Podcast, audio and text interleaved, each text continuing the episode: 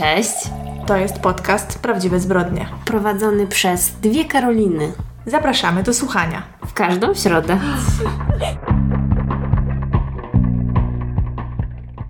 No i co tam, jak tam leci? Tak, właśnie teraz słyszę po głosie, że czekałaś, żeby to powiedzieć. Czekam na Twoją odpowiedź raczej. No właśnie. E, jak leci? No dobrze, ale czas szybko minął, bo w zasadzie nagrywałyśmy co, trzy dni temu? Oj tam. Nie zdradzaj naszych sekretów. Także w zasadzie minęło bardzo szybko. Ciężko mi nawet stwierdzić, co robiłam przez te kilka dni. O, przepraszam, nie, byłam w kinie. Od, pierwszy raz od miliarda lat. Na czym? E, moja mama zaprosiła mnie i moją ciocię i kuzynkę, które są aktualnie w odwiedzinach w Polsce, e, na film krótkometrażowy Almodovara, chyba pierwszy jego po angielsku w ogóle z tego, co się orientuję. I poszłyśmy do Nowych Horyzontów, to się nazywa Ludzki Głos. Mhm. Po polsku, po angielsku The Human Voice. I co ciekawe, główną rolę i jedyną w zasadzie gra tam Tilda Swinton, także no, Jedyną? Fajne. Mm. Tak, tak. No można tak powiedzieć. No nie chcę za dużo zdradzać. No domyślam się, ona zawsze się wciela w różne role swoim, tak, tak, swoim tak. ciałem. Tak, ale nie no, ona jest wspaniała i piękna, także i bardzo mi się podobały e, kostiumy w tym filmie, także jak możemy się wszyscy spodziewać, było tam dużo czerwonego. Ale muszę powiedzieć, że bycie w kinie po takiej długiej przerwie to było ciekawe doświadczenie, ale miłe. Bo ty w kinie jesteś zdecydowanie częściej niż ja. No myślę, że pandemia zmieniła podejście do kina wielu osób, mnie również, bo jednak okazało się, że wolę chyba oglądać filmy w domowym zaciszu, także w sumie jak na to, że można chodzić do kina, no to za bardzo z tego nie korzystam, ale liczę na to, że to się jeszcze zmieni. No w każdym razie ja w tym tygodniu byłam bardzo podekscytowana naszym debiutem na TikToku. Chociaż o tym, tak. już mówię, o, o, tym już w sumie mówiłyśmy, ale możemy teraz powiedzieć y, o tym już po fakcie, bo bardzo było miłe wasze przyjęcie. W ogóle na samej tej aplikacji TikTok nam wszyscy chyba słuchacze albo jacyś randomowi ludzie, nie wiem, tam lajkowali i komentowali, także Karolina, musisz się przygotować do, do kręcenia większej ilości TikToków teraz. A powiem Ci, że mi się to bardzo podobało. Zapomniałam tylko, że e, znajomi to widzą. E, nie to, że się tego wstydzę, oczywiście, absolutnie nie, ale jakoś tak e, koleżanka tam napisała, że, że widziała właśnie naszego TikToka. Ja tak myślę sobie, skąd przez chwilę w ogóle jakoś do mnie nie dotarło, e, że, że to wyszło wcześniej. Ale też dzięki temu wysłała mi screeny, bo przyznam szczerze, że, że ja TikToka nie mam aktualnie na telefonie, a wiem, że powinno się to zmienić. Screeny z TikToków, gdzie słuchacze wspominają o nas, jak rozumiem. Co? Tak, i to jest e, kiedy morderca wbił ci na chatę, ale ty masz przesłuchane wszystkie odcinki prawdziwych zbrodni i znasz każdy scenariusz. O. Właśnie ja nie wiem, jak ona to znalazła, ale jest hashtag prawdziwe zbrodnie, co oczywiście może nie oznaczać wcale, że chodzi o nas, mm, ale tak. brzmi a, no to fajnie, to jeżeli nas, nas słucha ta osoba, no to niech nam podeśle jakiegoś linka. Więcej niż jedna, bo właśnie Aha. też dostałam drugiego screena, właśnie, że twój bestii pokazał ci podcast Prawdziwe Zbrodnie i teraz znasz wszystkie podcast, y, podcasty Karolin na pamięć, także o. pozdrawiamy, pozdrawiamy. No, ja się bardzo podjarałam. Zapomniałam ci w ogóle o tym powiedzieć. No, coś ty. To ja bym już to wszystko, bo ja, y, ja mam zainstalowanego TikToka jako prawdziwe zbrodnie, więc ja teraz mogę tak. to wszystko lajkować, więc wyś wyślijcie nam koniecznie. Tak, no wcześniej nas nie było, więc w sumie nie mogli nas oznaczać, prawda? A teraz cóż. Także kariera TikTokerek stoi przed nami otworem. Jeżeli chcecie zobaczyć jakieś konkretne TikToki w naszym wykonaniu, na przykład z winem. No właśnie, musicie powiedzieć, co mamy nagrać, no bo podcastu nie będziemy tam robić, bo to chyba nie ten, nie to medium, ale no co tam można robić? Jakieś śmieszne rzeczy. Na pewno z alkoholem związane. no, w każdym razie, jeżeli macie jakieś pomysły dla nas, to czekamy i. A wiem, na naszej grupie dla patronów jedna nasza patronka napisała, żebyśmy mogły wrzucać zajawki odcinków. No, to nie jest zły pomysł w zasadzie. Pozdrawiamy. Także coś pomyślimy. No to ja już opowiadałam, co robiłam przez ten krótki czas, a co ty robiłaś? Bo chyba byłaś bardzo zajęta. Karolina już zdradziła, że nagrywałyśmy właściwie bardzo niedawno temu, a ja zdążyłam tyle rzeczy obejrzeć i e, skonsumować, że trochę mi wstyd, że nie mam życia. Ale jakoś tak, o wiem dlaczego, bo przecież musimy powiedzieć o tym, że jest wrzesień i po prostu tryb jesieniara się włączył na maksa.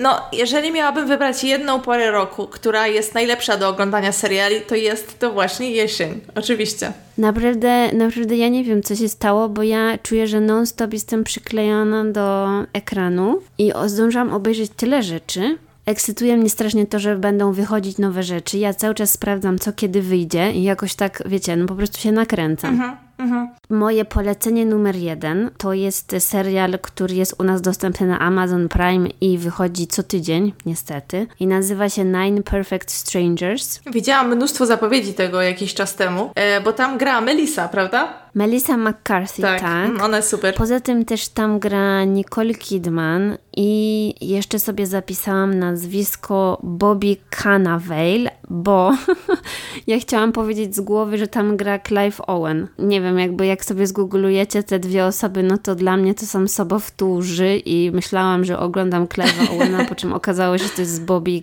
Cannavale. W każdym razie on też jest znanym aktorem. Ogólnie obsada tam jest genialna, taka bardzo hollywoodzka. To jest oparte na podstawie powieści pod tym samym tytułem autorki Liane Moriarty, która jest autorką Wielkich Kłamstewek. Mhm. Mm, dlatego Nicole Kidman z nią po prostu nawiązała e, współpracę. No w każdym razie to jest serial o tym, że ci wszyscy ludzie, te dziewięć nieznajomych osób, przyjeżdża na taką terapię, można by to powiedzieć, bo to jest, się dzieje w Kalifornii i to jest takie dla osób po prostu bogatych, z jakichś tam wyższych sfer, więc jest to opisane bardzo takimi, wiesz, wielkimi słowami, jak, jako takie jakby regeneracja duchowa, odnowa biologiczna ciała, spadla duszy, i, a do tego rozprawienie się ze wszystkimi życiowymi problemami w jednym i to wszystko w przeciągu tam tygodnia czy tam 10 dni się dzieje, nie? Oczywiście nie jest to taka prosta historia, bo wychodzi tam mnóstwo dram i to takich bardziej w stylu sensacyjno, nie wiem, tam kryminalnym. Jest dużo sekretów. No, więc obejrzałam tyle odcinków, ile jest dostępnych na razie, po prostu z wypiekami na twarzy. Tak mi się to strasznie podoba i bardzo żałuję, że nie mogę tego obejrzeć na raz, więc chyba po prostu będę musiała szybciej książkę przeczytać. Mhm. I potem będziesz mogła sobie porównać. No właśnie. To może nawet lepiej. Hmm? Także jeżeli ty nie masz żadnych rekomendacji, to jeszcze mogę powiedzieć o jednej rzeczy, którą też obejrzałam. No nie, no ja kontynuuję cały czas oglądanie Downton Abbey, także no ja niczym Was nie zaskoczę, wybacz, wybaczcie.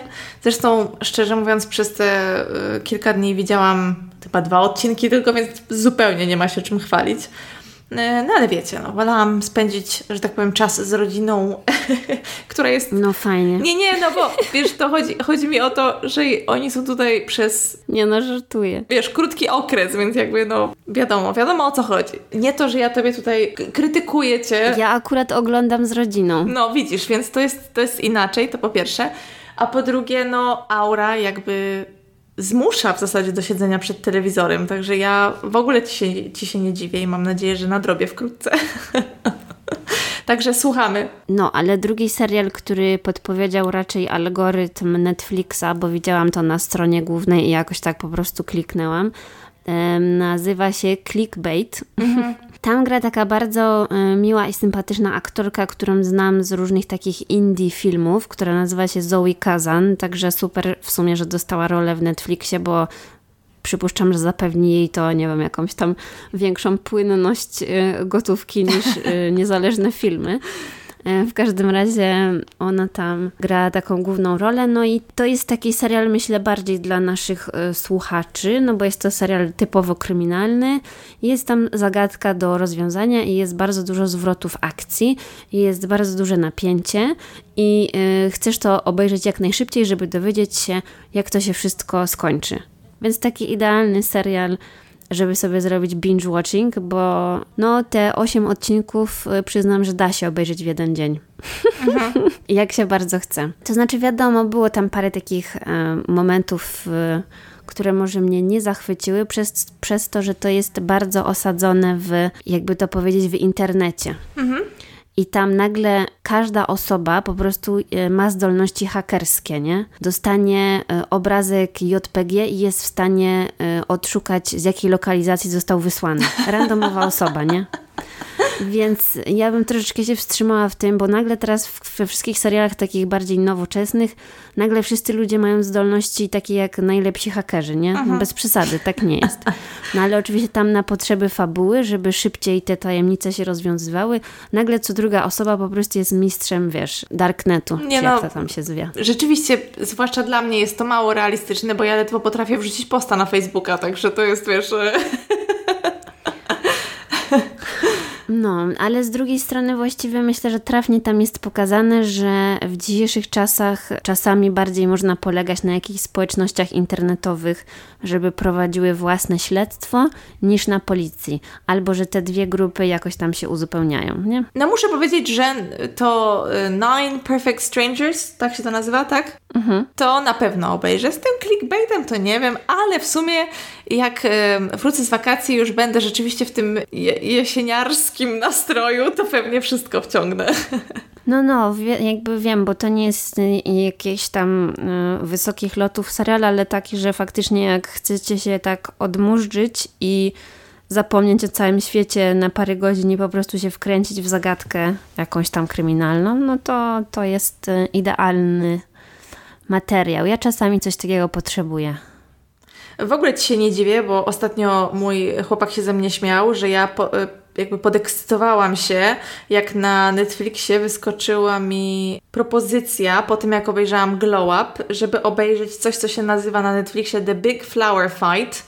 I ogólnie to, są, to, są, to jest taki konkurs dla florystów i jestem bardzo Boże. podekscytowana chcę to obejrzeć. To jest dość, już widzę w takie dość mocne nisze się zagłębiasz. E, to jest, to jest w ogóle z 2020, więc to w ogóle nie jest nowe, ale przyznam, ja w ogóle jakoś, nie wiem, ominęło mnie to, nie wiedziałam tego i chyba właśnie przez ten glow up mi wyskoczyło, więc jestem ciekawa, jeżeli ktoś z Was to widział, to, to proszę powiedzcie mi, czy to oglądać, czy to jest fajne. No nie wiem, ja lubię oglądać ludzi, którzy mają talent do czegoś, wiesz? Wydaje, zawsze mi się to, no nie wiem, jestem pod wrażeniem po prostu, ale może, no nie wiem, wiem, że to jest z jednej strony takie trochę marnowanie czasu, jakby gapienie się na coś takiego, sama mogłabym może odnaleźć w tym czasie swój ukryty talent, y, ale no, przyznam, lubię. No, ciekawa nisza. Niedługo powiesz, że oglądałaś y, jakiś taki reality show z origami. Wiesz co, wcale bym się nie zdziwiła, ale nie mogę być jedyna, bo na przykład moja przyjaciółka Kasia, pozdrawiam, o, jakiś czas temu powiedziała mi, że jej synek najbardziej lubi oglądać y, na przykład filmiki z ciężarówkami, takimi normalnymi, że na przykład przyjeżdża jakaś tam ciężarówka i wyrzuca jakąś tam ziemię na budowie, nie? I on siedzi się patrzy -hmm, na mhm, to. Tylko nie powiedz ile ma lat. A nie powiem, nie powiem. No nie, no jest mały, wiadomo, ale... Ale jak widzisz, można mieć różne zajawki. No. No wiem, ogólnie można stać w szczerym pole i patrzeć, jak pociągi przejeżdżają obok ciebie, także ludzie mają różne zajawki ciekawe. Tak, tak, znam osobę, która nie ma pociągów na co dzień i jak jest u nas, to bardzo się ekscytuje widokiem przejeżdżającego pociągu towarowego, także... No widzisz. W każdym razie. No dobra, a wracając do spraw poważnych, jeszcze chciałam powiedzieć, bo ostatnio zapomniałam wspomnieć o książce, którą e, czytałam. I to jest książka bardzo poważna, także jak macie ochotę na taką poważną i dość e, depresyjną lekturę, no to to jest to i nazywa się Głód, pamiętnik mojego ciała, Roxane Gay. I to jest e, taka znana e, pani, feministka i pisarka, która na przykład napisała książkę Bad Feminist. I jakoś mhm. tam w internecie już słyszałam o niej. I ja właściwie tą książkę mm, sobie pobrałam z mojej aplikacji, subskrypcji, coś tam, bo sprawdzałam pozycję wydawnictwa Cyranka. To jest e, właściwie bardzo fajne w miarę nowe wydawnictwo, y, które na przykład wydało tą książkę Doroty Kota z Cukry. Mhm. Poza tym mają właśnie takie. Ja nie wiem, czy oni mają więcej niż 10 książek wydanych, mi się wydaje, że nawet mniej. W każdym razie każda opis ma taki, że mam ochotę ją przeczytać. Mhm. Ale wiesz, że y, jakby kojarzę o czym mówisz, dlatego że wyświetliło mi się to ostatnio, jak przeszukiwałam książki i to chyba po tym, jak ściągnęłam Mężczyźni objaśniają mi świat. No, no, Więc... No. Tak, no tylko, że tutaj to jest bardzo osobista e, książka. Właśnie tą jakby skalą osobistości przypomina trochę te cukry, Mhm. ale jednak jest według mnie i tak lepsza, w sensie ten głód jest lepszy, bo ta książka mówi o traumie, traumie związanej z przemocą seksualną i tym, jaki to miało związek y, z cielesnością i z problemami odżywiania. Chodzi o to, że ta autorka przez większość swojego życia ma nadwagę i tak naprawdę no, przez tą książkę jakby tak, nie wiem, chcę oczyścić się być może, czy tam, no nie wiem, nie będę wchodzić w jej głowę. Opisuje po prostu swoją historię, historię traumy i tego, jak powiedzmy z tego wyszła, czy też nie wyszła, no bo stara się, ale wiadomo jak to jest. Więc bardzo to było wstrząsające i myślę ciekawe, zwłaszcza mi się wydaje, że mężczyzn... Nie chcę tutaj zabrzmieć zbyt hejtersko w stosunku do mężczyzn oczywiście, ale myślę, że bardzo fajnie by było, gdyby e, wiele mężczyzn takie książki czytało, nie? No bo domyślam się, że główną grupą jej odbiorców są jednak kobiety. No to jestem ciekawa, co dzisiaj dla nas przygotowałaś. No słuchajcie, nie będzie lekko dzisiaj. Aż się boję, jak tak zapowiedziałaś. Ja dziś opowiem Wam historię młodej matki, Lacey Spears i jej syna Garneta, który urodził się 3 grudnia 2008 roku, kiedy Lacey miała 19 lat. Świat Lacey od tamtej pory kręcił się wokół jej syna. Znajomi postrzegali ją jako wspaniałą mamę, taką troskliwą, opiekuńczą, ale kiedy Garnet miał już 9 dni, to trafił do szpitala, bo nie jadł. Ogólnie Lacey bardzo panikowała, tak, że ona go próbuje karmić, ale on tego pokarmu w ogóle nie utrzymuje, przez co się nie rozwija i tak dalej. Jak miał miesiąc, to przeszedł operację na reflux. I podobno w związku y, z tą operacją jego życie było zagrożone i kilka razy prawie umarł. Mhm. Przez komplikacje związane z tymi operacjami ostatecznie umieszczono w jego brzuchu rurkę do karmienia, e, przez co można mu było podawać pożywienie bezpośrednio do brzucha. I jeszcze wracając do tego jego odruchu wymiotnego i refluksu, no to żeby jakoś to zastopować, on też przyszedł operację taką, która uniemożliwiała mu wymiotowanie i jakoś tak potocznie można by to było nazwać, że mu zaszyli gardło, ale ja nie wiem, jakby nie, nie zagłębiałam się w to, bo to brzmi jakoś bardzo skomplikowanie. O swoim doświadczeniu bycia matką Garneta Lacey pisała w mediach społecznościowych, na MySpace, na Facebooku, na Twitterze. Zrobiła też sobie bloga o nazwie Garnet's Journey. No i tam oczywiście opisywała swoje losy jako matka oraz wszystkie dolegliwości, jakie Garnet miał. Za każdym razem, kiedy szedł do lekarza, no to pisała o tym na tych swoich platformach. Z czasem uzbierała wokół siebie grup wiernych czytelników, którzy śledzili jej losy, no i losy zdrowotne małego Garneta. Przepraszam, to mi brzmi troszeczkę Gypsy i Didi style. No myślę, że nie ma co ukrywać, bo ja od razu jak tylko zobaczyłam tą e, rurkę do karmienia, no to już mi zaświeciła mm, lampka. Lampka, no i to cóż, nie powiem, ale słuchajcie. No i kiedy Garnet miał około roku, to napisała pewnego dnia na swoich mediach społecznościowych, że ona mu zwracała się do niego jako Garnet Wielki albo mój mały książę. I napisała, że mój mały książę znów jest chory. Mam nadzieję, że Garnet nie będzie musiał trafić do szpitala. A dwa dni później napisała: Mój słodki aniołek jest w szpitalu po raz 23 a to było zanim on jeszcze roczku nie skończył.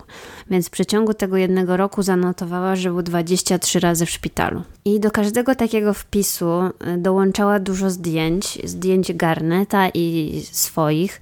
Fotografowała go nawet wtedy, jeśli był chory, źle się czuł, źle wyglądał, więc niektóre te zdjęcia były takie naprawdę, no, według mnie nieprzyjemne do oglądania. Ale Lacey otrzymywała bardzo dużo wsparcia od swojej internetowej społeczności, bo ci jej komentatorzy płakali razem z nią, jak słyszeli, że Garnet znowu trafił do szpitala, albo oferowali jej takie wirtualne wsparcie, pisali, że się o nich modlą i tak dalej po tym, jak Garnet już z tamtej sytuacji wyszedł ze szpitala, napisała post o treści Uzdrowienie wymaga odwagi, a my wszyscy mamy odwagę, nawet jeśli musimy trochę poszukać, żeby ją znaleźć. Chodzi mi o to, że to był taki cytat bardzo, wiesz, taki uduchowiony i taki trochę motywujący i tak pokazywała, że wiesz, mimo tych wszystkich przeciwności losu, oni mają nadzieję i Niedługo potem poinformowała swoich followersów, że spotkała ich kolejna tragedia, mianowicie ojciec Garneta, który nazywał się Blake, który był bratnią duszą Lacey,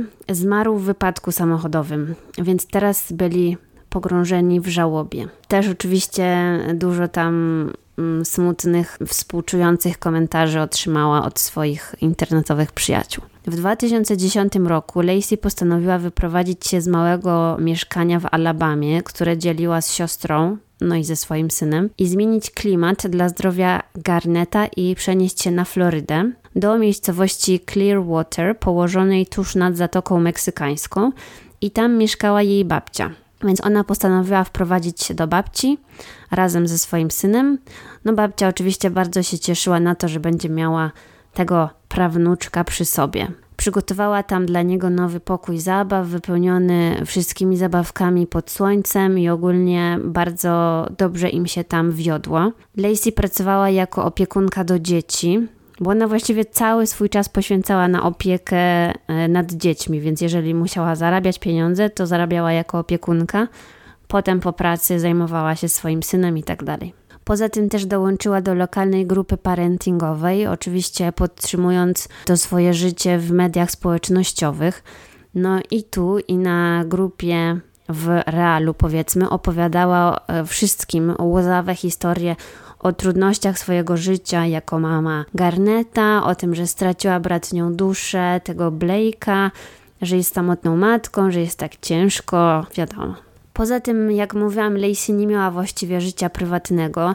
Nie umawiała się na żadne randki, bo cały swój wolny czas poświęcała Garnetowi. Jak się okazało, zmiana otoczenia z Alabamy na Florydę nie uzdrowiła Garneta, bo jego infekcje uszu, które miał wcześniej, wciąż powracały, a Garnet wciąż wracał do szpitala.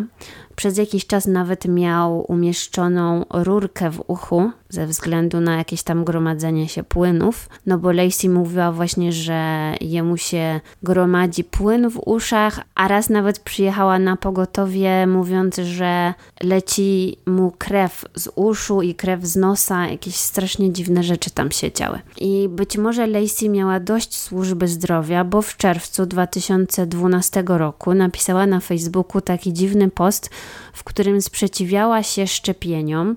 Jak się okazało, Garnet y, nie był zaszczepiony. Pisała też, że nie podaje mu żadnego jedzenia z mikrofalówki, że nie wierzy w antybiotyki, że nie pozwala mu się bawić jakimiś plastikowymi zabawkami i że ona preferuje medycynę holistyczną i że tak będzie odżywiać i leczyć y, swojego syna, nie? I prawdopodobnie dlatego postanowiła znowu się przeprowadzić i tym razem wybrała e, miejsce, w którym żyje się spokojnie, w zgodzie z naturą, bo Lacey i Garnet przeprowadzili się do Fellowship Community w Chestnut Ridge w stanie Nowy Jork. Ta wspólnota skupia się na opiece nad osobami starszymi. Wszyscy członkowie wspólnoty, i to są ci seniorzy oraz ich opiekunowie, no i wszystkie rodziny, które tam mieszkają. Oni mieszkają na terenie farmy, w otoczeniu lasów i sadów. I jak piszą o sobie na swojej stronie internetowej, jest to miejsce dla ludzi, którzy są zainteresowani samorozwojem poprzez pracę i naukę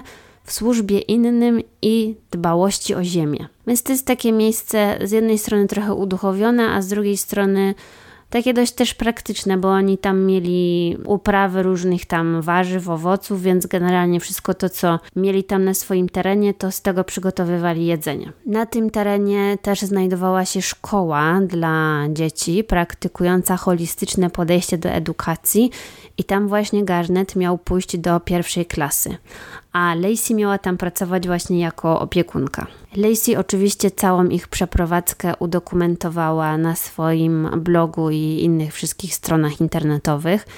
Wyglądało to tak, jakby żyło im się w nowym miejscu idealnie, a Lacey i Garnet wyglądali na szczęśliwą rodzinę. W październiku wrzuciła zdjęcie Garneta idącego pierwszy raz do szkoły, więc to było duże wydarzenie i ogólnie też dość emocjonujące dla niej i dla dziecka, bo właściwie to był pierwszy raz, kiedy oni w ogóle się rozstali na więcej, wiesz, niż, nie wiem, tam parę minut. Członkowie tej wspólnoty bardzo lubili Garneta. Mówili, że, że to było słodkie, pogodne dziecko. Z kolei e, Lacey opowiadała wszystkim swoją tragiczną życiową historię znowu o swojej bratniej duszy Blake'u, który zginął w wypadku i że zostawił ją z synem. Opowiadała, że poznała się z Blake'iem w liceum i że starali się cztery razy, żeby mieć dziecko. Podobno dwa razy poroniła i za trzecim razem urodziła martwe dziecko i dopiero za czwartym razem urodził się im Garnet. A ile ona miała lat? W tamtym momencie, kiedy chyba opowiada tą historię, to miała 23 albo 24. Rozumiem. Lacey i Blake byli zaręczeni, kiedy zmarł, dlatego Lacey dalej nosiła pierścionek z brylantem, który jej zaofiarował. No i wyobraźcie sobie, co się stało. Według Lacey Blake powrócił z martwych, tylko wcielił się w sowę. Tak, i Lacey opowiadała o tym nie tylko swojemu synowi, ale też znajomym ze wspólnoty bo tą informację znalazłam z artykułu, w którym wypowiada się członek tej wspólnoty, który mówi, że Lacey mówiła, że doszło do reinkarnacji i Blake jest teraz sową. Wszystko jasne, nie? I właśnie jeden z tych członków wspólnoty wspominał, że niestety Garnet wierzył, że jego tato jest sową, dlatego chciał mieć wszystko w sowy. To może wyjaśniać, dlaczego Lacey wypełniła ich mieszkanie dekoracyjnymi sowami pod każdą postacią, bo na przykład były tam figurki sów, pocztówki z sowami, ręczniki z sowami, maskotki i takie inne rzeczy, no. Oj, biedne dziecko, no tak, no tęskniło za tatą. No, więc on chciał mieć wszędzie sowy i to były jego ulubione zabawki, tak mówił. Mhm. E, Lacey w dalszym ciągu nie chciała spotykać się z nikim, na żadne randki nie chodziła, a nawet dwóch mężczyzn ze wspólnoty oskarżyła o molestowanie. I w kwietniu 2013 roku w związku z tym przyjechała na teren wspólnoty policja. Lacey tam zgłosiła, że jakiś mężczyzna dwukrotnie obnażył się przed nią. Oskarżony oczywiście zaprzeczył temu, że mówił, że nic takiego się nie wydarzyło. E, jeszcze pytali inną tam osobę, jak jako świadka i ktoś powiedział, że też nie widział, żeby coś takiego się wydarzyło, no ale... To nic nie oznacza jeszcze, prawda? No. Tak, więc to nic nie oznacza. W każdym razie sprawa nie została rozwiązana. Domyślam się, że po prostu ten mężczyzna został oddalony z tej wspólnoty i tyle. W każdym razie nie trafiło to do sądu ani nic takiego. Drugiego mężczyznę oskarżyła o molestowanie seksualne i ta sprawa też nie została rozwiązana i nie weszła na drogę prawną, ale władze tej wspólnoty kazały temu mężczyźnie opuścić wspólnotę.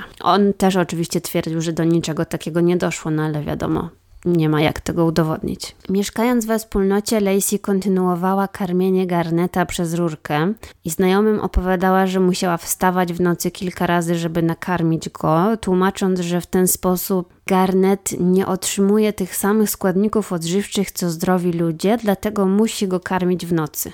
No i wiele mieszkańców za bardzo nie rozumiało o co chodzi z tą rurką, bo widywali garneta jedzącego stały pokarm przez usta, kiedy spotykali go w takiej mm, wspólnotowej jadalni, gdzie podawano posiłki. I tam jak był sam, to cały czas jadł i prosił o dokładkę i jakby chciał jak najwięcej zjeść, nie? Na pierwszy rzut oka Garnet wydawał się pełen życia i energii, i gdyby nie to, że Lacey opowiadała o jego złym stanie zdrowia, no to nikt by się nie skapnął, że coś jest z nim nie tak. A sama Lacey, według opinii jej współpracowników, miała swoje dobre i złe dni. I mówili o niej, że w niektóre dni naprawdę tęskniła za Blake'iem i wtedy była bardzo cicha i przygnębiona e, z tego powodu, że on nie żyje. Z drugiej strony też ludzie mówili, że w jednej chwili potrafiła być twoją najlepszą przyjaciółką, a w następnej sekundzie wszczynała kłótnie i rozgadywała jakieś plotki. Hmm. Więc wydaje się taka trochę dwulicowa. Manipulantka. E, mówiono też, że kiedy nowi ludzie przychodzili z zewnątrz do tej wspólnoty fellowship, to właściwie każdemu Lacey chciała opowiedzieć swoją historię.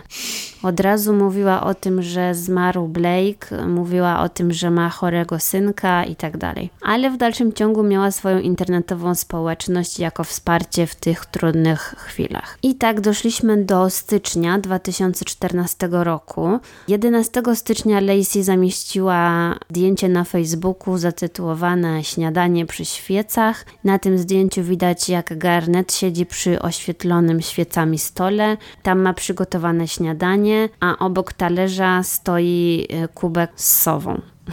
Ale niestety w przeciągu następnych 11 dni Lacey opublikowała 28 postów na Facebooku informujących o pogorszającym się stanie zdrowia Garneta. Zaczęło się od wysokiej gorączki, bólu głowy i konwulsji. Z tego powodu Lacey zabrała go do szpitala. W szpitalu powiedziała, że miał atak padaczki. No i ogólnie sytuacja była bardzo, bardzo kryzysowa. Do szpitala trafił w piątek i został tam e, na noc, na cały weekend. I w sobotę i w niedzielę Garnet był podłączony do aparatury, gdzie monitorowali jego stan zdrowia. No i nie miał żadnego ataku. I ogólnie zachowywał się normalnie. Lekarze w niedzielę porozmawiali z Lacey, powiedzieli jej, że no, Garnet sprawia wrażenie zdrowego i wydaje nam się, że będzie mógł zaraz wyjść do domu. No to okej, okay, spoko. E, lekarz wyszedł z tego pokoju, Lacey została sama z Garnetem w pokoju i po paru minutach jego stan zdrowia dramatycznie się zmienił. Właściwie w przeciągu minut nastąpiła śmierć mózgu. Został zaintubowany i nie mógł samodzielnie oddychać. No i, i Lacey y, zdawała relacje wszystkim y, swoim followersom y, na Facebooku, tak jak mówiłam, o wszystkich zmianach informowała. Więc 19 stycznia w niedzielę Garnet został przetransportowany samolotem z tego szpitala do Westchester Medical Center. I w czwartym poście tego dnia Lacey napisała, że Garnet został podłączony do aparatury podtrzymującej życie. Zrobiono mu badanie krwi i wykryto w jego krwi śmiertelną ilość sodu. Lacey pisała o tym też na swoim Facebooku, podała tam ilość y, tego sodu we krwi. Informowała też, że Garnet y, krzyczy z bólu. Lekarze w tym momencie nie byli w stanie znaleźć medycznego wyjaśnienia takiego pogorszenia stanu zdrowia, właściwie z minuty na minutę, więc wezwali policję. No tak, jeżeli ze zdrowego chłopca nagle nastąpiła śmierć mózgu, mówiłaś, tak? No to. No, to jest naprawdę tragiczne, nie? No bo on miał wtedy 5 lat. Boże. Policja przyszła do szpitala, przesłuchali Lacey. Nie mieli na razie żadnych podstaw, żeby jej nie wierzyć, więc po prostu wysłuchali tego, co ona mówiła. Detektyw spotkał się też z ojcem Lacey, który był w szpitalu, właśnie przyszedł w tej chwili. I przed chwilą Lacey powiedziała temu detektywowi też coś o tym zmarłym Blake. Mhm. Więc detektyw zapamiętał to i powiedział do ojca Lacey: Słyszałem, że pański e, zięć niedawno zginął w wypadku samochodowym. Moje kondolencje. A na co ojciec Lacey mówi: Co? Jaki Blake? Nic o tym nie wiem. Oczywiście, jeżeli tego jeszcze wcześniej nikt nie zauważył, no to to był bardzo duży znak, że Lacey jest kłamczuchą i jeżeli kłamała w tej kwestii, no to ciekawe w jakiej kwestii jeszcze mogła kłamać. Ale w międzyczasie e, stan Garneta się nie poprawił, bo tak jak mówiłam, właściwie już nie było szansy, żeby przywrócić go do życia. Więc 22 stycznia Lacey napisała informację na Facebooku, że następnego dnia planują odłączyć go od aparatury podtrzymującej życie. No i potem poinformowała, że czynności mózgu Garneta ustały, a potem napisała, że jego dusza jest już z aniołami i nie jestem gotowa, by pozwolić mu odejść. To wszystko pisała na Facebooku. Ostatni post pojawił się 23 stycznia i napisała Garnet Wielki wyruszył w dalszą podróż dziś o 10.20. No i wtedy oficjalnie zmarł. Po śmierci Garneta Lacey zamieszkała z rodzicami w Kentucky, gdzie e, zorganizowała dla niego pogrzeb. W międzyczasie też niektórzy jej przyjaciele z internetu rozpoczęli internetową e, zbiórkę pieniędzy i zebrali 800 dolarów, żeby pomóc Lacey e, pokryć koszty leczenia, które się tam uzbierały. No ale oczywiście to nie jest koniec tej historii, bo oficjalną przyczyną śmierci Garneta było zatrucie sodem. No a jeżeli zatrucie, no to znaczy, że ktoś mu to musiał podać, no bo to się tak nie dzieje samo z siebie. Więc policja zdobyła nakaz i przeprowadzili rewizję w mieszkaniu Lacey Spears i to było w połowie stycznia 2014 roku. Zarekwirowali tam znalezione jedzenie, jej telefon komórkowy i komputer. W mieszkaniu pośród leków w szafce, które znajdowały się przy tym całym sprzęcie do karmienia, znaleźli pojemnik z solą morską. Dziwne trochę miejsce, bo on znajdował się wśród leków, nie? Przesłuchiwali też przyjaciół i rodzinę Lacey, przeanalizowali wszystkie akta medyczne z całego życia Garneta. W międzyczasie Lacey wynajęła adwokata i oczywiście zaprzeczyła, żeby miała zrobić cokolwiek, żeby skrzywdzić swojego syna. Podobno kiedy syn Lacey, Garnett, leżał na tym szpitalnym łóżku w agonii i był bliski śmierci, Lacey zadzwoniła do sąsiadki we wspólnocie Fellowship i poprosiła ją, żeby weszła do niej do mieszkania i pozbyła się jednego worka z pożywieniem, którego użyła ostatnio do karmienia chłopca przez rurkę. Bo to wiecie, to były takie worki wyglądające jak kroplówka, prawda? Tylko z takim mhm. pożywieniem w formie płynnej. I to z tego co rozumiem podłącza się do maszyny i ta maszyna, maszyna to pompuje do tej rurki w brzuchu. Mhm. Więc ona poprosiła tą sąsiadkę, żeby pozbyła się takiego właśnie worka i żeby nikomu nic nie mówiła. No to ta sąsiadka w zamian za to wezwała policję i przekazała ten worek do e, policji, którzy poddali to badaniom i wykryto w nim ekstremalne stężenie sodu, a też w śmieciach tam w domu znaleziono woreczki po prostu po normalnej soli. Po odkryciu takiej ilości soli w dziwnych miejscach i sodu w worku z pożywieniem, policjanci przesłuchali Lacey, no bo chcieli już jej jakieś tam wstępne zarzuty postawić. Mówili, że Lacey zachowywała się bardzo dziwnie, no bo była rozhisteryzowana i zachowywała się tak, jakby płakała, a mówili, że jak podniosła głowę i popatrzyła na nich, to w ogóle żadnych łez nie było, hmm. więc to było też dziwne. Więc śledczy prowadzili to swoje śledztwo, e, biorąc sobie taką tezę, że Lacey celowo podtruwała swojego syna, żeby mieć materiał do prowadzenia swojego bloga i tych innych stron w internecie, żeby ludzie jej współczuli, żeby czuła się potrzebna dziecku, więc jednocześnie stała się książkowym przykładem tego przeniesionego zespołu Munchhausena. No i tak dla ścisłości przypomnę definicję. Mhm. Poprosimy, bo już dawno nie było. Przeniesiony zespół Munchhausena to zaburzenie psychiczne, w którym najczęściej matka podtruwa swoje dziecko lub wmawia mu różne choroby, aby móc spełniać się w opiece nad nim. No, no i wiadomo, że czasami może to przyjąć bardzo niebezpieczną postać. Jak mówiłam, śledczy rozmawiali z wieloma osobami i teraz przejdziemy do jednej e, ciekawej osoby, to znaczy prawdziwego ojca Garneta. Więc jak, się, jak myślisz, kto to był? Czy to był Blake? Nie sądzę. Myślę, że ktoś taki jak Blake w ogóle nie istniał. Mhm. Prawdziwym ojcem Garneta był Chris Hill. W roku 2014 miał 29 lat i on o śmierci swojego syna dowiedział się od znajomego. I wtedy, kiedy się o tym dowiedział, próbował skontaktować się z Lacey, bo nie miał z nią kontaktu, wysłał jej friend request na Facebooku. Przepraszam, co? No bo to był, no wiesz, jeżeli ona była taka aktywna na Facebooku, no to to był jedyny sposób, żeby się z nią skontaktować, jak nie miał do niej numeru telefonu. No dobrze, ale skoro on wiedział, że to jest jego syn, to jak nie, nie rozmawiał z nią? No dobrze, poczekaj, opowiem do końca. Dobra, bo ja już się, ja, widzisz, ja już się uniosłam, no. Chris nigdy nie poznał Garneta, a Lacey ostatni raz widział kilka dni po tym, jak urodziła dziecko 5 lat wcześniej. No ale w dniu śmierci Garneta e, Chris wszedł na profil Lacey na Facebooku i zobaczył e, zdjęcie Garneta, które było dostępne dla wszystkich, czyli miało te ustawienia publiczne i udostępnił je na swoim profilu na Facebooku, pisząc: To jest mój drugi syn Garnet, ma 5 lat. Nigdy go nie widywałem, bo jego matka wyprowadziła się do Nowego Jorku.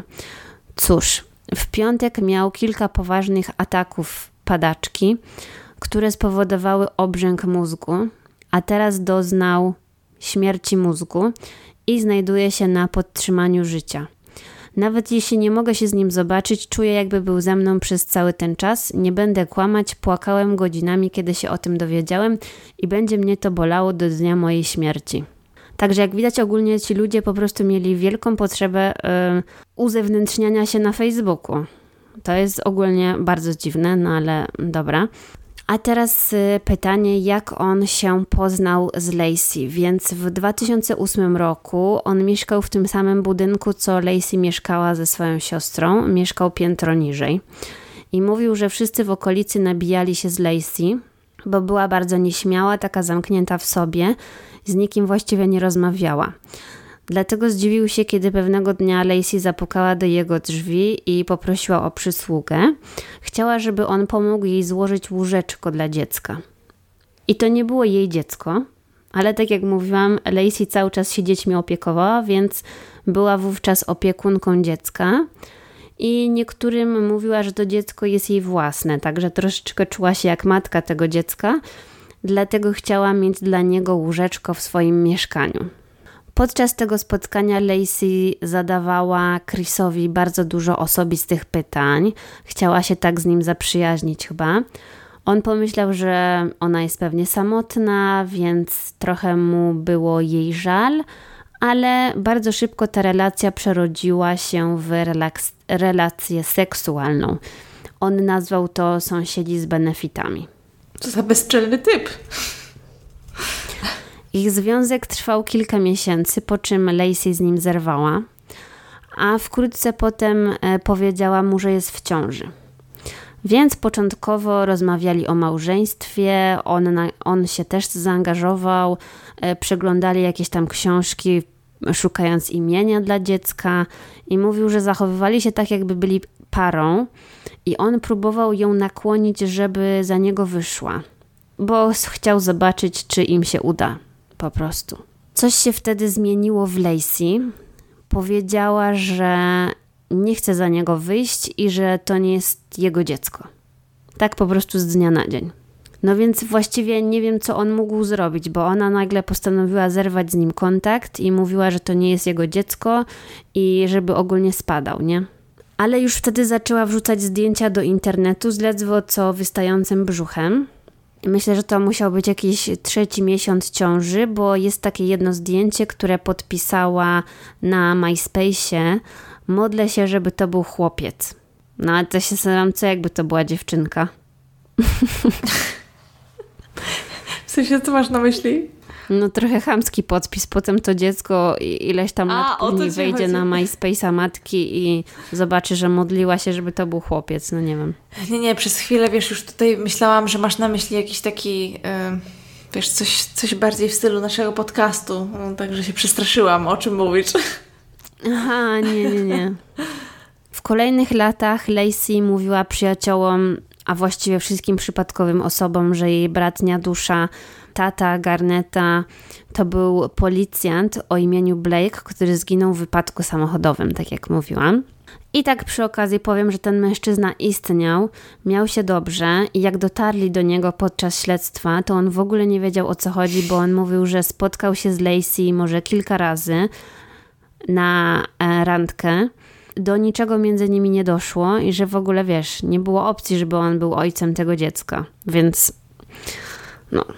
A wracając do Chrisa, to on nigdy nie poznał swojego syna, mimo że Lacey jakiś czas po urodzeniu dziecka dalej mieszkała w tym samym budynku. A dlaczego się nie poznali? Bo ona cały czas twierdziła, że to nie jest jego dziecko.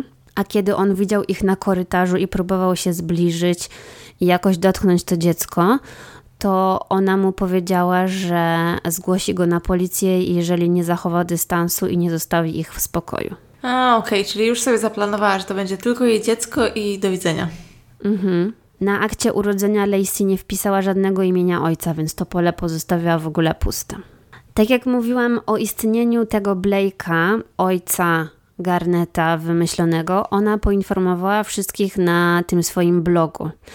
No i jej bloga również y, czytały, czy tam obserwowały osoby, osoby, które znały ją z prawdziwego życia, nie? Z reala. I te wszystkie osoby, które ją znały, od razu wątpiły w istnienie jakiegokolwiek Blake'a, no bo wiedzieli, że ona nigdy z nikim takim się nie spotykała. Poza tym podejrzane było to, że ona nawet nie miała żadnego zdjęcia z tym mężczyzną, a mówiła, że on zmarł po roku urodzenia Garneta, więc powinni mieć jako rodzina jakieś wspólne zdjęcie. Zwłaszcza, że ona tak uwielbiała dzielić się wszystkim w internecie, no i tego też nie było. Więc to było bardzo grubymi nićmi szyte.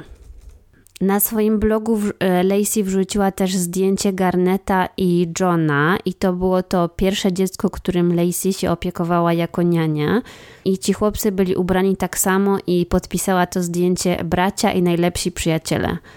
Więc ona też sobie ubzdurała, że tamto dziecko, którym się opiekowała, to było jej dziecko. I nikt się nie zorientował, że potem już tylko pokazywała jedno dziecko?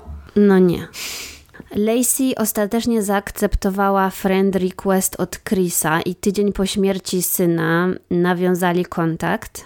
Ona napisała do niego coś w stylu: To nasz syn, będziemy połączeni na zawsze. Więc przyznała tak naprawdę w końcu po latach jemu, że to naprawdę było jego dziecko, też potwierdzając, że Blake został wymyślony i ogólnie oni znaleźli wspólny język opłakując Garneta. Mhm. No. no to by nie było takie dziwne wcale, prawda? Mhm. Jeszcze jedno ciekawe zeznanie dała pielęgniarka, która nazywała się Ginger Dubs Anderson, która poznała Lacey i Garneta w szpitalu, kiedy chłopiec miał 6 miesięcy. Ona i inni pracownicy szpitala byli podejrzliwi w stosunku do Lacey, bo ona bardzo często przychodziła do szpitala, twierdząc, że jej synek nie może trawić pokarmu. A. No i to już było właściwie od początku, jak on się urodził. Czyli dlatego się tak często przyprowadzała. No, no oczywiście. Podobno jedna osoba z tamtej ekipy zgłosiła sprawę do opieki społecznej, no ale oczywiście nic z tym nie zrobiono. I ta pielęgniarka powiedziała, że była świadkiem, jak Lacey straciła panowanie nad sobą i trzymała głowę swojego syna pod wodą w wannie, kiedy go myła. Z jakiegoś tam powodu, bo zachowywał się niegrzecznie.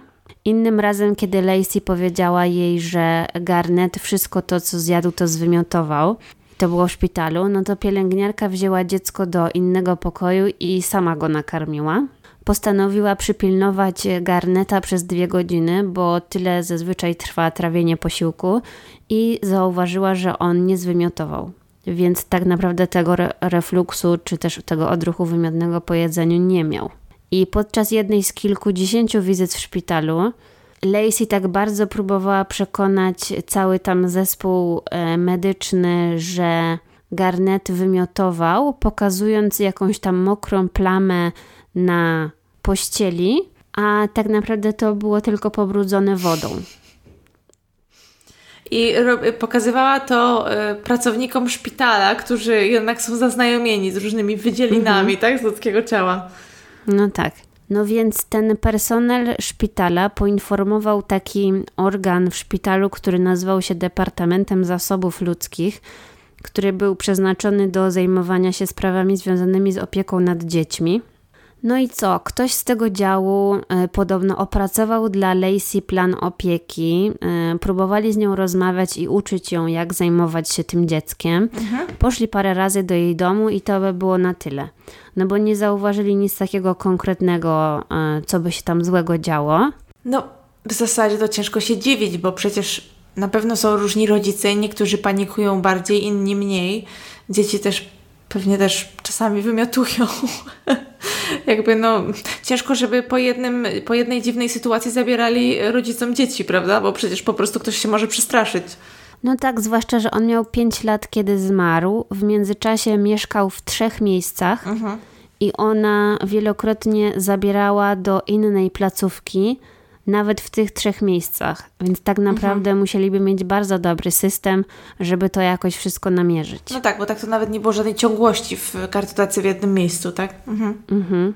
Więc Lacey usilnie powtarzała lekarzom, że jej synek nie chce jeść, i właściwie to ona poprosiła o chirurgiczne wszczepienie tej rurki do karmienia.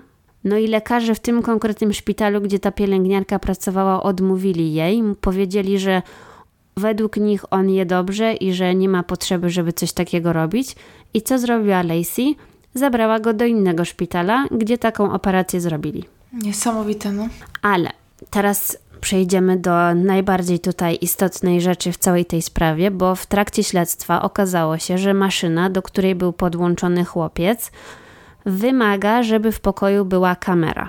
Chodzi mi o te ostatnie dni Garneta. Mhm. I policja, jak się skapnęli, że do tej maszyny jest potrzebna kamera, no to natychmiast otrzymali nagranie. I to, co zobaczyli, ich przeraziło, bo na nagraniu były właśnie uwiecznione ostatnie chwile z życia Garneta, które spędził z matką, no i spędził w wielkim bólu. I niestety ogólnie ta sprawa jest bardzo mocno udokumentowana w internecie i nawet to nagranie jest dostępne. nie. Pod wieloma postaciami na YouTubie. Naprawdę? Także ja, no jest. No ale jakby, no zobaczysz, za, za chwilę w każdym razie, no można to bez problemu obejrzeć. Jest to dość traumatyczne, więc nie wiem, dlaczego to tak rozprzestrzeniają. W każdym razie, w niedzielę po tym jak lekarz wyszedł z pokoju, widać na kamerze, jak Lacey zabiera dziecko do łazienki. Łazienka jest poza kamerą. Kiedy wracają z łazienki, po paru minutach Garnet zmienia się. Zmienia się w takie okropnie chore dziecko, które nie może wytrzymać z bólu. Stara się zwymiotować, ma takie torsje, rzuca się po tym łóżku. Widać, że naprawdę strasznie się męczy. No ale nawet jak chciał zwymiotować, to nie mógł, no bo miał tą operację, która mu tam zamknęła tą możliwość wymiotowania. I na kamerze widać też, jak Lacey wychodzi z łazienki, to ma w ręce ukrytą rurkę do karmienia. Stąd wniosek, że będąc w łazience musiała mu coś przez tę rurkę podać i teraz próbuje się tego pozbyć, nie? W przeciągu kilku minut, zakładając, że podała mu sól, no to ta sól spowodowała wielki obrzęk mózgu, co właśnie doprowadziło do śmierci. I to jest jeszcze nie koniec, bo na nagraniu z tego dnia, ale przed tą akcją w łazience, widać jak Lacey siedzi e, z tym swoim synkiem na łóżku, coś tam sobie spędzają razem czas, tylko że ona siedzi w telefonie. Mhm. I skroluje sobie coś tam w telefonie. Potem policja prześledziła historię wyszukiwań z jej telefonu i okazało się, że ona szukała informacji o zatruciu solą tego dnia o tej właśnie godzinie. I byli w stanie dopasować historię z jej telefonu do dokładnej godziny z nagrania wideo. Więc tutaj według mnie nie ma żadnych wątpliwości. Po tym wideo Lacey została aresztowana pod zarzutem morderstwa Garneta, oczywiście. I od tego czasu Lacey nie powiedziała nic nikomu, po prostu zamilkła. Kiedy rozpoczął się proces, no to Lacey powiedziała, że jest niewinna, nie przyznała się do zarzutów. Z kolei prokuratorzy twierdzili, że nie ma żadnego możliwego wytłumaczenia dla tak wysokiego poziomu sodu w organizmie, który spowodował śmierć Garneta, i według nich jedynym rozwiązaniem jest to, że matka celowo podała mu sól przez różkę do karmienia. No bo skąd inąd miałby to mieć w organizmie? Przecież no co, no to, to chipsów się najadł, to przecież nawet jakby, nie wiem, 100 paczek zjadł, to by tyle nie miał, no to jest... Poza tym on za bardzo nie mógł też przełykać no jedzenia, no więc... Z kolei obrona twierdziła, że Lacey została osądzona na podstawie poszlakowych dowodów i że winę za śmierć chłopca powinien ponieść szpital. No bo tak naprawdę jedyne wytłumaczenie, jakie mogłoby ewentualnie się pojawić, to że zrobił to na przykład ktoś ze szpitala, prawda? No ale pff, co to za bzdura, no. No ale tak czy inaczej chodziło o to, że jakaś osoba musiała mu to podać, bo on sam nie wytworzyłby takiej ilości sodu po prostu. No tak, no ale po co matka zabiera dziecko do toalety, żeby tam go karmić? Przecież to nie ma żadnego sensu. Jak jeszcze widać tą rurkę w jej ręce, no. Za głupoty wymyślali. Zdenerwowałam się naprawdę. Paskudne, paskudne. W procesie zeznało 24 świadków po stronie prokuratury, a co ciekawe, obrona nie wezwała nikogo na świadka. No bo w sumie kogo mieli, no. Hmm. To znaczy, że oni po prostu wiedzieli, że to jest sprawa przegrana według mnie. Proces trwał 14 dni. Najmocniejszym momentem tego procesu było oczywiście wyświetlenie wideo ze szpitala, bo wtedy wiele osób na sali po prostu płakało, bo to było tak trudne do oglądania. No i mm, śledczy swoją sprawę przed procesem prowadzili motywując y, zachowanie Lacey zaburzeniem Munchhausena, ale prokuratorzy zdecydowali się nie przedstawiać tej teorii na rozprawie. W ogóle to słowo nie padło na sali sądowej, co jest ciekawe, bo twierdzili, że mają na tyle silne dowody, żeby tego nie wykorzystywać w sądzie. I tak się zastanawiałam, dlaczego tak mogło być, i może po prostu oni nie chcieli, żeby to złagodziło w jakiś sposób jej karę. Mhm. Bo jeżeli to jest jakaś choroba psychiczna, no to zawsze mogłaby dostać lżejszą karę, prawda, za to, co zrobiła. Obrona też nic o tym nie mówiła. Bo wtedy by musieli przyznać, że ona to faktycznie tak. zrobiła, prawda, żeby się bronić w ten sposób. Więc ława przysięgłych obradowała dwa dni i uznała Lacey Spears winną morderstwa drugiego stopnia. Lacey podczas odczytywania tego wyroku w ogóle nie zareagowała i cały czas miała kamienną twarz. I 8 kwietnia 2015 roku sędzia skazał ją na 20 lat w więzieniu za e, morderstwo jej syna. Szczerze, wydaje mi się, że to stosunkowo mało. No właśnie, jeżeli dobrze pamiętam, to właśnie widziałam jakieś nagranie z ogłoszenia tego wyroku i chyba sędzia użył słowa tego zespołu Munchhausena, mhm. więc może jakoś w ten sposób, wiesz, wytłumaczył to, że nie dostaje tam dożywocia, no bo jednak... Nie no, jest to jakieś schorzenie psychiczne, prawda? Tak, tak, tak. Ja to rozumiem jak najbardziej, tylko właśnie tak się zastanawiałam, czy to był powód, jeżeli mówiłaś, że nikt o tym nie wspominał, no ale sędzie pewnie też potrafi dodać no. dwa do dwóch, prawda? No, ale przyznam, że naprawdę paskudne. Musiałam troszeczkę powstrzymywać się, żeby tu nie chlipać podczas y, Twojej historii. Przyznam, że jestem zdziwiona, bo ta sprawa już ma mm, ponad 5 lat i jestem zdziwiona, że jeszcze nie powstał na ten temat żaden serial, tak jak to było w przypadku Gigi i. Y, sorry, nie Gigi, co ja mówię. Didi i Gypsy. Mhm. Bo niestety tego typu sprawy, zwłaszcza ten temat y, tego zespołu Munchhausena przeniesionego, czy jak to tam się zwie, jest jakoś dziwnie modny, prawda? Przez to, że jest taki wstrząsający, wzbudzają sensację te sprawy, prawda? Nie no, to jest coś, co w ogóle ciężko sobie w jakikolwiek sposób wyobrazić.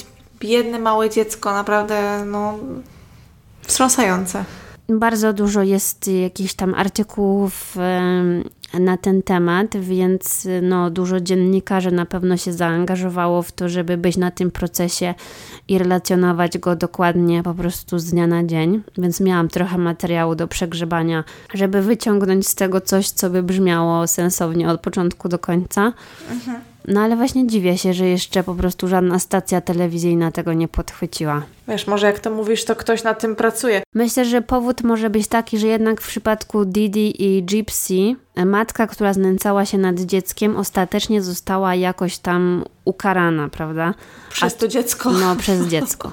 A tutaj mhm. niestety mamy sytuację odwrotną, że no, biedne, niewinne, niczemu winne dziecko, które dodatkowo miało tylko 5 lat, nie zdążyło w ogóle pożyć, no to tutaj poniosło największą tragedię, no bo nie żyje.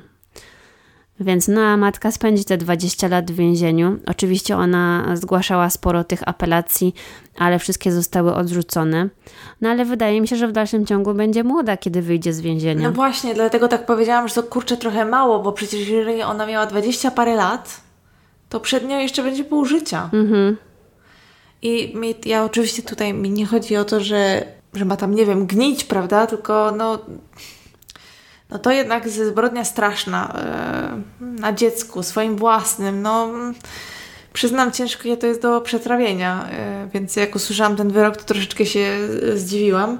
E, poza tym, wiesz, co jeszcze też mi przeszło przez myśl, jak mówiłaś, że bardzo wiele mediów i dziennikarzy relacjonowało tą sprawę, zastanawiało mnie to, przyszło mi do głowy, może w ten sposób, czy ją to cieszyło. Bo mogło ją trochę cieszyć, nie? Nie dała tego po sobie poznać, bo była cały czas taka, wiesz, bez emocji.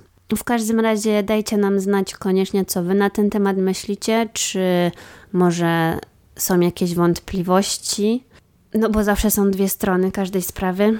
My dziękujemy za uwagę. I do usłyszenia za tydzień. Do usłyszenia.